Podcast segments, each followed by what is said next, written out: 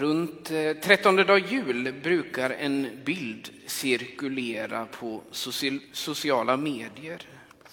Bilden föreställer tre kvinnor som, liksom de tre vise männen, kommer till Betlehem för att frambära sina gratulationer. Med sig har de blöjor, matlådor och vällingpulver. Och under bilden så står det After the three wise men left, the three wiser women arrived.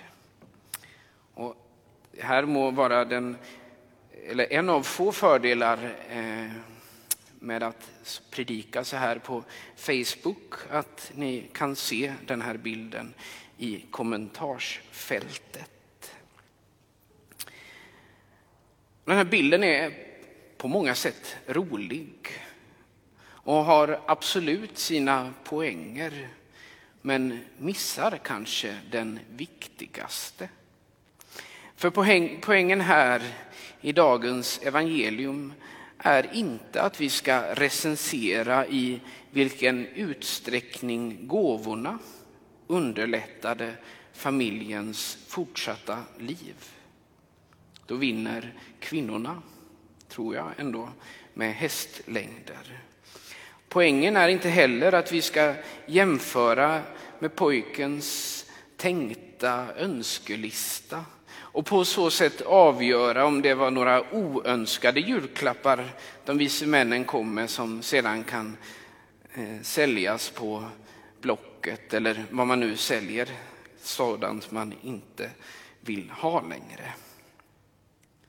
Poängen är att gåvorna som de vise männen kommer med säger något om honom som får dem. Så är guldet ett erkännande av hans konungsliga värdighet.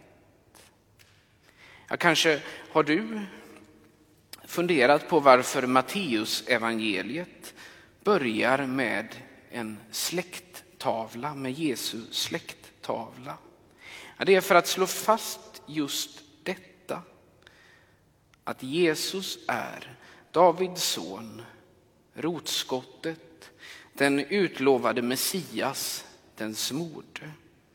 Det är därför det om Josef heter att han är Davids son när Herrens ängel talar till honom i en dröm och berättar om det barn som hans trolovade Maria bar på.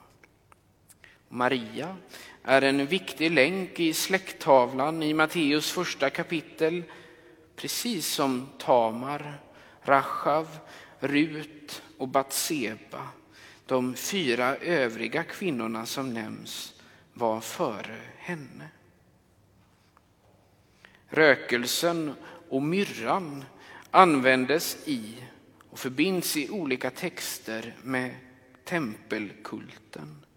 Också här finns det en poäng att hålla ihop rökelsen och myrran. Rökelsen visar på Jesu prästerliga tjänst. I Saltarens 141, 141 psalm står det Låt min bön vara rökelse för dig, mina lyfta händer ett kvällsoffer. Referenser till rökelse återkommer genom hela skriften. Paulus skriver i sitt brev till församlingen i Filippi att den gåva han tagit emot från dem är en rökelsedoft. Ett offer som Gud tar emot med välbehag. På samma sätt är de heligas böner i Uppenbarelseboken en rökelse inför Gud. Kristus är den präst som frambär ett för Gud välbehagligt offer. Och det offret är han själv. Myrran pekar på att Jesus redan från början var på väg mot Golgata och sin offerdöd. Johannes berättar i sitt evangelium att Nikodemus den man i, det hög, i judarnas råd som i början av Johannes evangeliet sökte upp Jesus i skydd av mörkret för att samtala med honom om pånyttfödelsen hade med sig en blandning av myrra och aloe. Omkring 30 kilo för att smörja Jesu kropp på långfredagens kväll. Den som offrar och den som offras är samma person. Jesus är på samma gång den gode heden och det lamm som tar bort världens synder. Därför är den verkliga gåvan i dagens firande varken guld, rökelse eller myrra. De vise männen gav Jesus sina gåvor till ära för den gåva som han var till dem, som han är till oss. Vi kommer för att bära fram våra gåvor av tillbedjan, kärlek och tjänst inför krubban.